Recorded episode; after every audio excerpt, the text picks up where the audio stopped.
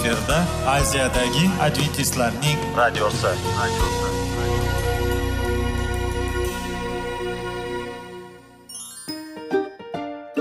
Assalomu alaykum aziz radio tinglovchilar. Sog'liq daqiqasi rubrikasiga xush kelibsiz. Zero tananing sog'lom bo'lishi va uning kasalliklardan saqlash har bir insonning burchi hisoblanadi. Inson uchun bebaho boylik bu sog'liq salomatlikdir. Uni asrash esa har birimizga omonat qilib berilgan. Shuning uchun ham inson o'z sog'lig'ini ehtiyot qilishi va ajib amallardan hisoblanadi. Dono xalqimiz sog'liq tuman boylik deb bejiz aytmagan. Aql idroq sohibi bo'lgan inson o'z hayotini qadrlashi lozim bo'ladi. Hozirgi kunda qanchalik dori darmonlar ko'paymasin tibbiy muassa sifati shifokorlar vasiyasi tibbiy texnika yaxshilanmasin. Agar insonning o'z salomatligi haqida qayg'urmasa kutilgan natijaga erishib bo'lmaydi va biz sizlarga bizning dasturimizga xush kelibsiz deymiz.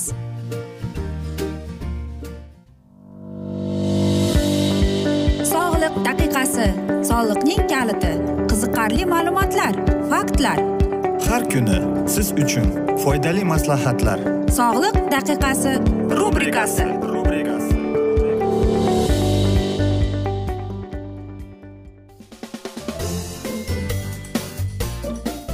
assalomu alaykum aziz radio tinglovchilar. Dasturimizga xush kelibsiz va biz sizlar bilan besh daqiqa sog'liq uchun deb atalgan dasturimizda xushvaqt bo'ling deb aytamiz. Va dasturlarimizni boshlashdan avval sizlarga aytib o'tmoqchi edimki agar dasturimiz davomida sizlarda savollar tug'ilsa bizlar bilan whatsapp orqali aloqaga chiqishingiz mumkin. Bizning whatsapp raqamimiz plyus bir uch yuz bir yetti yuz oltmish oltmish yetmish aziz do'stlar. Va bugungi bizning dasturimizning mavzusi bu qizilcha deb ataladi. Va uning xususiyatlari. Bilasizmi bitta dona qizilchada besh ming uch yuz milligramm bizga kelgan karotin bor ekan. Shuning uchun ham aynan uning sharbati aytaylikki asal bilan aralashtirgan bu gipertoniya kasalliklarida murun davolashgan ekan oshqozon kasalliklarida ham.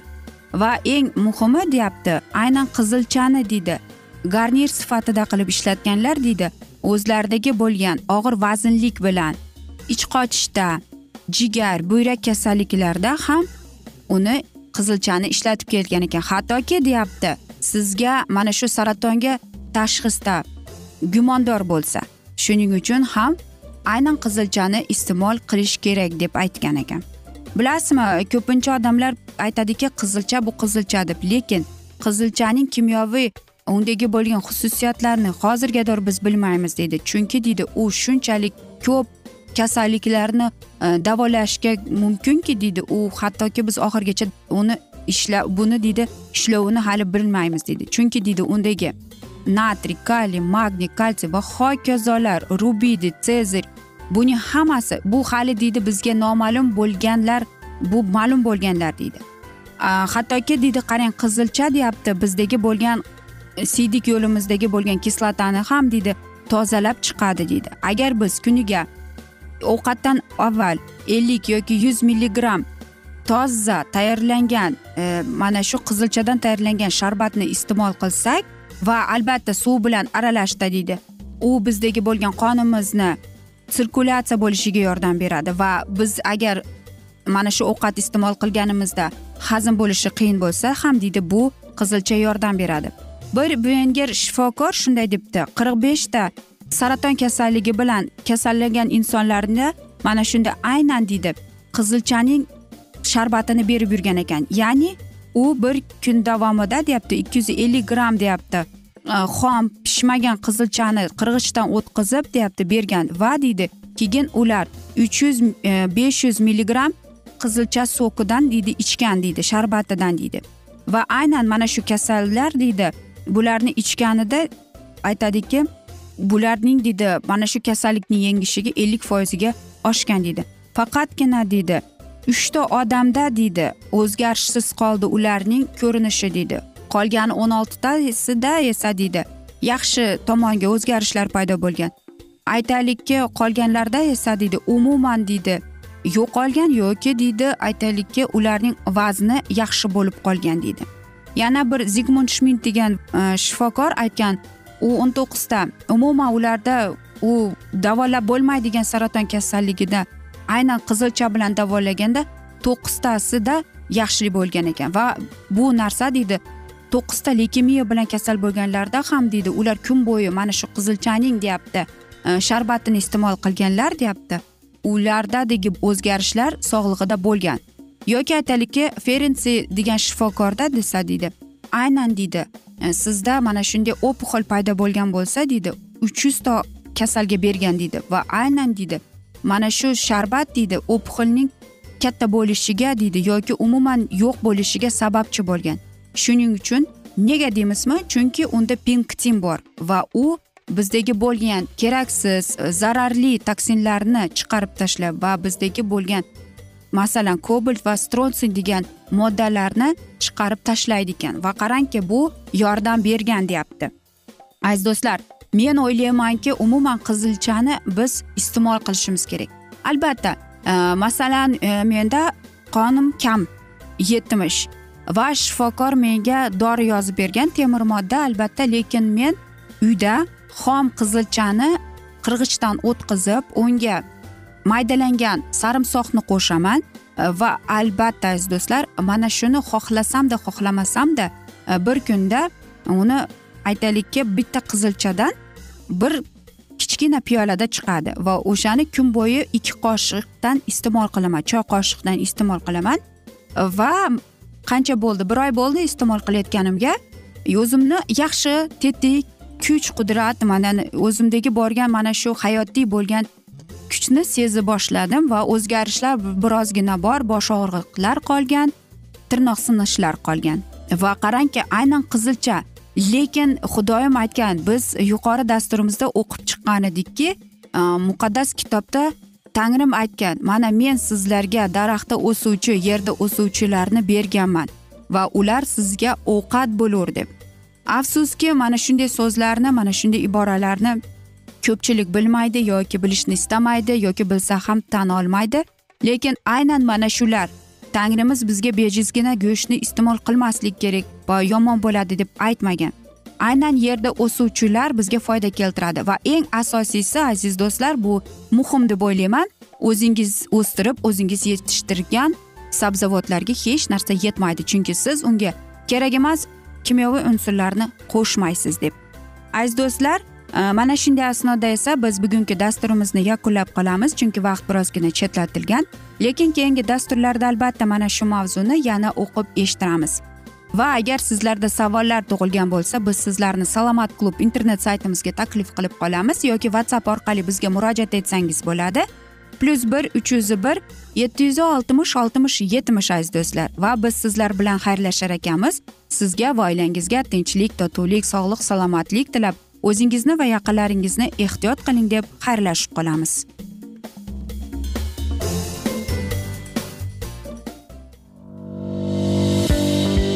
Sog'liq daqiqasi soliqning kaliti qiziqarli ma'lumotlar faktlar. Har kuni siz uchun foydali maslahatlar. Sog'liq daqiqasi rubrikasi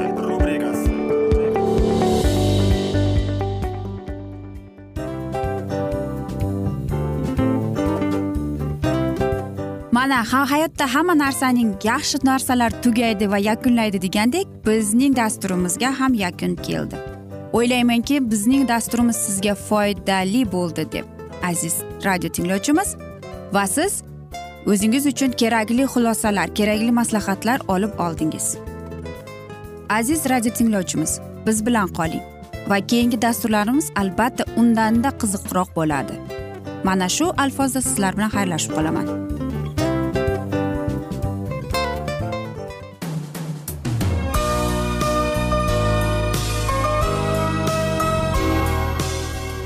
Efirda aziyadagi adventistlarning radiosi.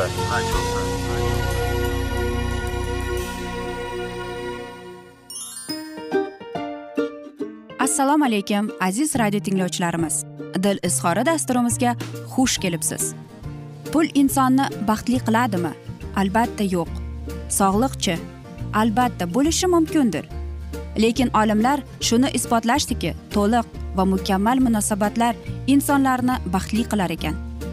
Albatta biz hayot davomida biz yaqin insonlar bilan odamlar bilan aloqada bo'lamiz va ular bilan munosabatlarimiz qanday kechadi qanday tuziladi? Yigit va qiz er va xotin ota ona va farzandlar va yaqin insonlar bilan balkim hozirgi vaqtda kimnidir hayoti yoki munosabatlari buzilyapti va bizning dasturlarimiz ularga yordam bo'ladi deb. Va oldinda sizlarni qiziqarli intervyular va mavzular kutyapti va biz umid qilamizki siz biz bilan qolasiz deb.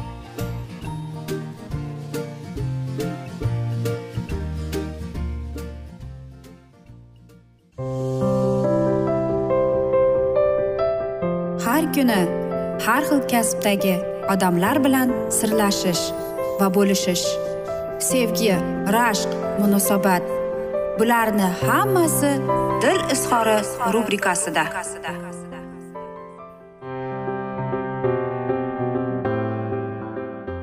Assalomu alaykum aziz radio tinglovchilar. Dasturimizga xush kelibsiz va biz sizlar bilan ajoyib sevgi deb nomlangan dasturimizda xushvaqt bo'ling deb aytamiz. Va bugungi bizning dasturimizning mavzusi uch haftada oshiq bo'lib qolish deb ataladi. Albatta hamma savol beradiki qanday bu mumkinmi uch haftaning ichida sevib qolish deb ha aziz do'stlar. Lekin e, oilaviy hayotda esa boshqatdan mana shu tuyg'ularni uyg'otish uchun bizga aynan uch hafta kerak. Albatta har bir oilada mayda chuyda gap so'zlar bo'ladi xafagarchilik va e, aytaylikki janjallar bo'lib turadi. Va mana shu narsalar ko'p munosabatlarni buzadi. Hattoki oilalar ham buzilib ketadi. Lekin xudoyim e, mana shunday munosabatlarni albatta u man etadi. Chunki hattoki deydi xayolingizga ham yomon fikr kelmasin o'zingizning turmush o'rtog'ingiz haqida deydi biz doimo o'zimizning turmush o'rtog'imizning jufti halolimiz haqida sevgi va minnatdorchilik bilan xayol surishimiz kerak deydi va sizlarga mana shunday bir uy vazifasi desak ham bo'ladi. Bir qog'ozga olib turib e, sizning e, jufti halolingizning o'nta e, mana shu jihatini yozib chiqing ijobiy tomonini. Va albatta har safar ertalab har bir ijobiy mana shu fazilati uchun xudodan ibodat qilib minnatdorchilik bildirib ibodat qiling deymiz. Albatta kimdir aytadiki bu mumkin emas deb bu sizga birozgina uy vazifa bo'ldi. Shuning uchun ham agar sizning munosabatlaringiz qandaydir bir yomon deb o'ylayotgan bo'lsangiz yoki taranglashib qolyapti deb o'ylasangiz aynan mana shuni qilib ko'ring. Va qarangki uch haftaning ichida o'zgarishlar paydo bo'ladi. Bilasizmi bir oilada deydi ham bitta ayol hamma ishda deydi u judayam faol qatnashib yurgan deydi. Lekin o'zining shaxsiy hayotida esa deyapti unday yo'q edi deydi.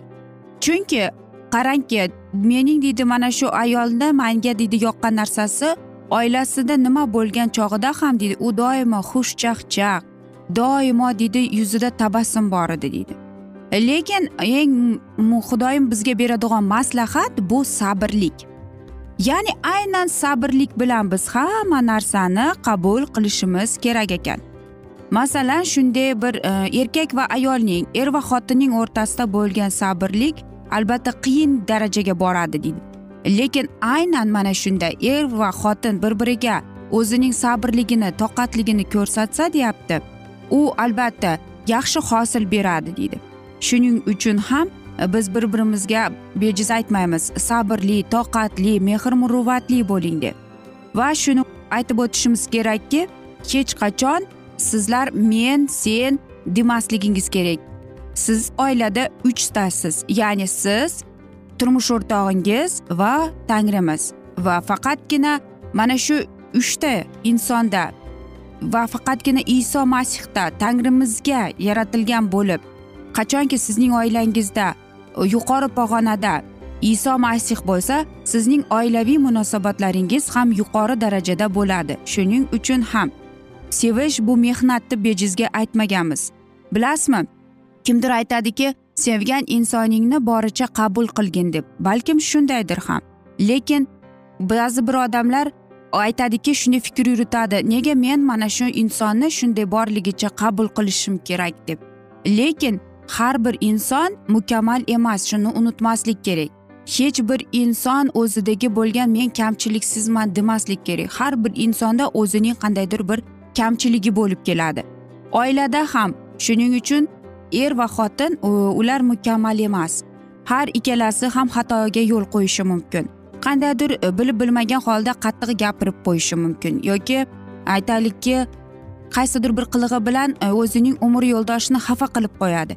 Lekin nima bo'lgan chog'ida ham e, jahl qilmasdan sabrli toqatli bo'lib mehr muruvvatli ohangda gapirib tushuntirib aytish kerak.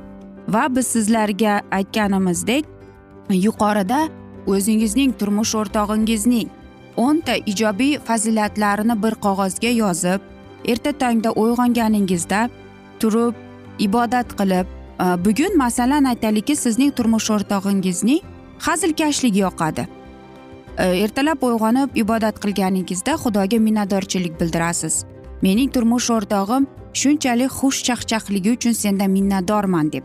Ikkinchi kun boshqa bir qandaydir fazilatlarini va qarangki e, sizlarga aytib o'tganimizdek uch haftaning ichida katta o'zgarishlar yuz beradi. Nafaqat o'zingizda balki turmush o'rtog'ingizda ham. Chunki mana shunday vazifa sizlarni e, turmush o'rtog'ingizga boshqacha nazar bilan qarashga undaydi. Aynan iso masih ko'zlari bilan turmush o'rtog'ingizga qaraydigan bo'lib qolasiz. Chunki e, mana shunday agar inson o'zi ko'zi bilan o'zining xayoli bilan yursa u aytaylikki salbiy fikr bilan yuradi. Va biz bu dasturimizning boshida ham aytib o'tdikki mana shu ertalabdan deyapti biz o'zimizdagi bo'lgan yomon salbiy xayollardan yurmasdan turmush o'rtog'imiz haqida deyapti. Biz faqatgina ijobiy faqatgina e, mana shunday xushchaqchaqligini qanday mehribonligi haqida sevgi va minnatdor bilan mana shunday xayol bilan o'tkazishimiz kerak. Va nafaqat o'zimizda bo'lgan mana shu achchiqlik xafagarchilik mana shunday hislatlar yo'q bo'lib ketadi aziz do'stlar. Va qarangki keyin mana shu tajriba qilib ko'ring. Keyin natijasi bilan bo'lishasiz biz bilan. Biz esa mana shunday asnoda bugungi dasturimizni yakunlab qolamiz chunki vaqt birozgina chetlatilgan lekin keyingi dasturlarda albatta mana shu mavzuni yana o'qib eshittiramiz. Va umid qilamanki bizni tark etmaysiz chunki oldinda bundanda qiziq va foydali dasturlar sizni kutib kelmoqda deymiz aziz do'stlar. Biz esa sizlar bilan xayrlashar ekanmiz. Siz sizlarga va oilangizga tinchlik totuvlik tilab va eng avvalo seving seviling deb xayrlashib qolamiz.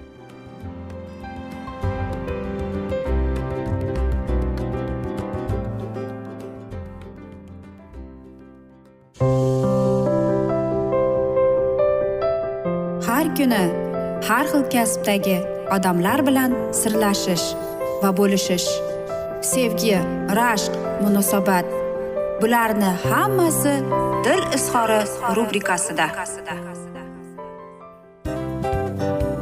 Mana aziz radio tinglovchimiz bizning go'zal va foydali va chiroyli dasturimiz yakunlanib bormoqda. Sizlarga birozgina maslahat berib o'tmoqchi edik. Bir biringizni seving. Qadringizga yeting. Va erkalang albatta bir biringizni va sizga judayam chiroyli va mustahkam munosabatlar tilab qolamiz albatta. Sevgilingiz doimo yoningizda bo'lsin. Mana shu borada sizlar bilan xayrlashib qolamiz. Xayr.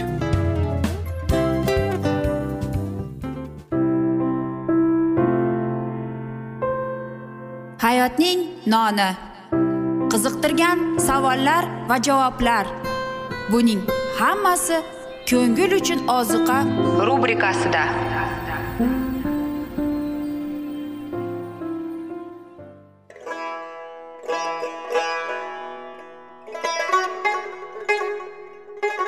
Assalomu alaykum aziz radio tinglovchilarimiz. Ko'ngil uchun oziqa rubrikasida xush kelibsiz deymiz. Siz haqiqatni izlayapsizmi? Olamnimi? Umidnimi? Siz kimga murojaat qilmoqchisiz? Odamlar ko'pincha siyosat kuchiga tayanadilar. Dunyo iqtisodiyoti holati tobora chuqurlashib bormoqda. Tabiiy ofatlar va texnogen halokatlar minglab insonlarning hayotini olib ketib juda katta zarar yetkazmoqda. Sizga abadiy hayot inomini hadya qiluvchi va hayotingizni tubdan o'zgartiruvchi haqiqatni izlab toping. Xudo haqidagi haqiqat uning kalomida mujassamlashgan. Kimki bu haqiqatni butun qalbi bilan izlasa albatta unga yetishadi. Bu sevgi xudoning tarixidir. Hayotingizda yoki sizning yon atrofingizdagi olamda nimalar yuz berishidan qat'iy nazar? Siz ertagi kunga buyuk umid va ishonch hosil qilishingiz mumkin. Hozirda xudo sizga taklif qilayotgan umid ishonchga o'z qalbingizni oching va sizni qiziqtirayotgan mavzularni savollaringizga javoblaringizni topib olasiz deb umid qilamiz. Biz bilan qoling.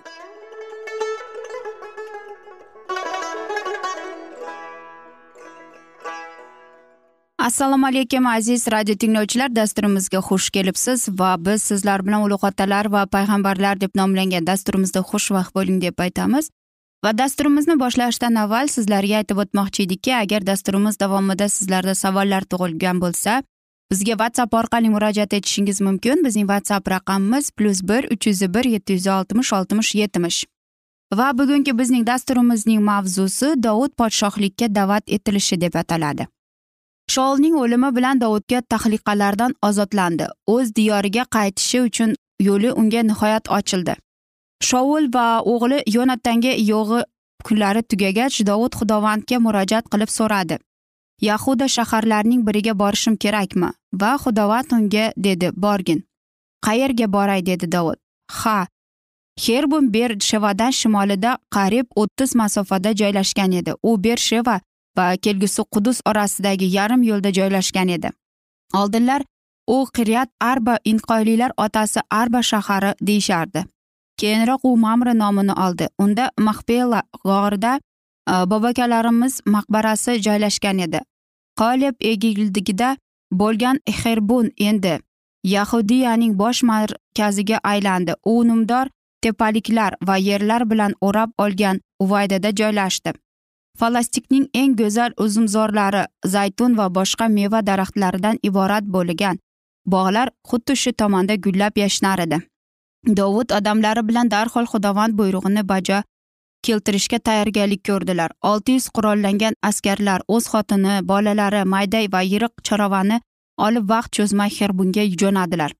Ular shaharga yetib kelganlarida yahudiylar qarshi chiqdilar. Ular dovudni o'z bo'lajak podshohi sifatida kutib olmoqchi edilar. Uni taxtga yuksaltirish uchun hamma kerakli tayyorgarliklar ko'rindi.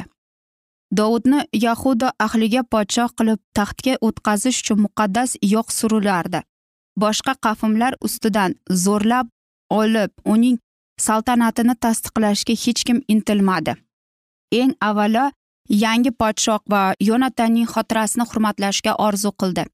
Yebish galding jasur askarlarining olijanob xatti harakatlarini ya'ni halok bo'lgan dohiylarning jasadlarini qo'lga kiritib ularni kerakli ravishda dafn etganlarini eshitgan dovud yobishga odam yuborib unga quyidagini aytishga buyurdi.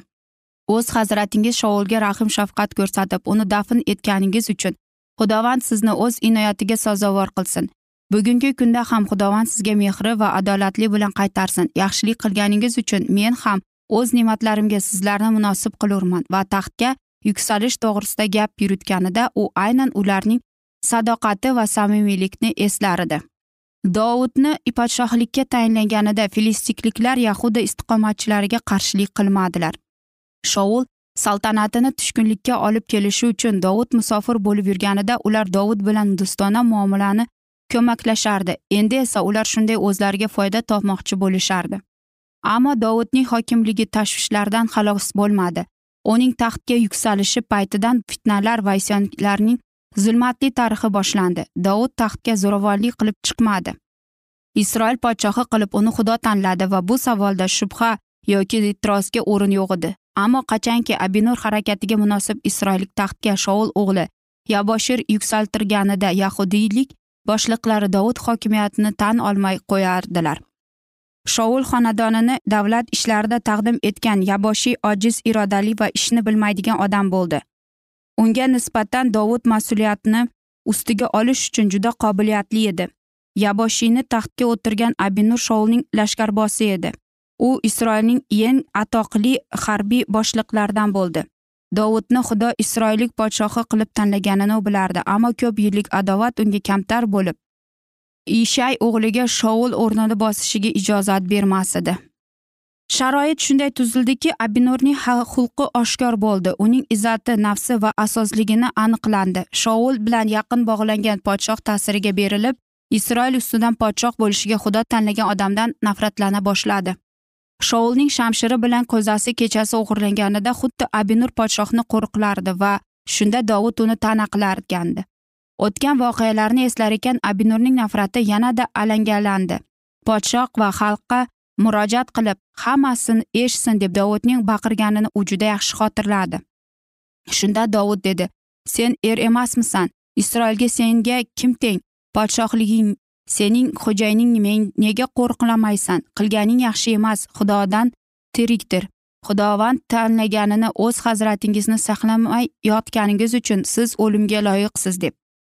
Ushbu ta'na uning jonini ezardi va o'z qasdini ro'yobga chiqarishga qaror qildi. Isroil bo'linishiga harakat qilib o'z yuksalmoqchi bo'ldi. O'z pastkash maqsadida u oldingi podshoh xonadonining vakili bilan foydalanmoqchi bo'ldi. Xalq yonatanni sevganini u bilardi. Xalq uning aziz xotirasini saqlardi va shoulning birinchi yorqin harbiy chiqishlarining uning lashkari ham hali unutmagan edi. O'z isyonkor rejasini qat'iy ravishda amalga oshirmoqchi bo'lish niyatida abinur ishga kirishdi. Iordan daryosining ikkinchi tomonida mahanoim nomli shahar joylashgan edi. Uni podshoh manzili sifatida istifoda qilishardi. Chunki bu joy dovud va filistiklik tomonidan hujum bo'lishiga bexatar joy edi. Ushbu joyda yaboshiga muqaddas yog' surtildi va podshohlikka tayinlandi. Yangi hokimning saltanatini oldin yordan sharq tomonida yashovchi qavmlar tan oldilar. Keyin esa yahudadan tashqari butun isroil ham qabul qildi deydi. Aziz do'stlar biz esa mana shunday asnoda bugungi dasturimizni yakunlab qolamiz chunki vaqt birozgina chetlatilgan. Lekin keyingi dasturlarimizda albatta mana shu mavzuni yana o'qib eshittiramiz va agar sizlarda savollar tug'ilgan bo'lsa bizga whatsapp orqali murojaat etsangiz bo'ladi. Plyus bir uch yuz bir yetti yuz oltmish oltmish yetmish. Umid qilaman bizni tark etmaysiz deb chunki oldinda bundanda qiziq va foydali dasturlar kutib kelmoqda deymiz. Biz esa sizlarga va oilangizga tinchlik totuvlik tilab xayrlashib qolamiz.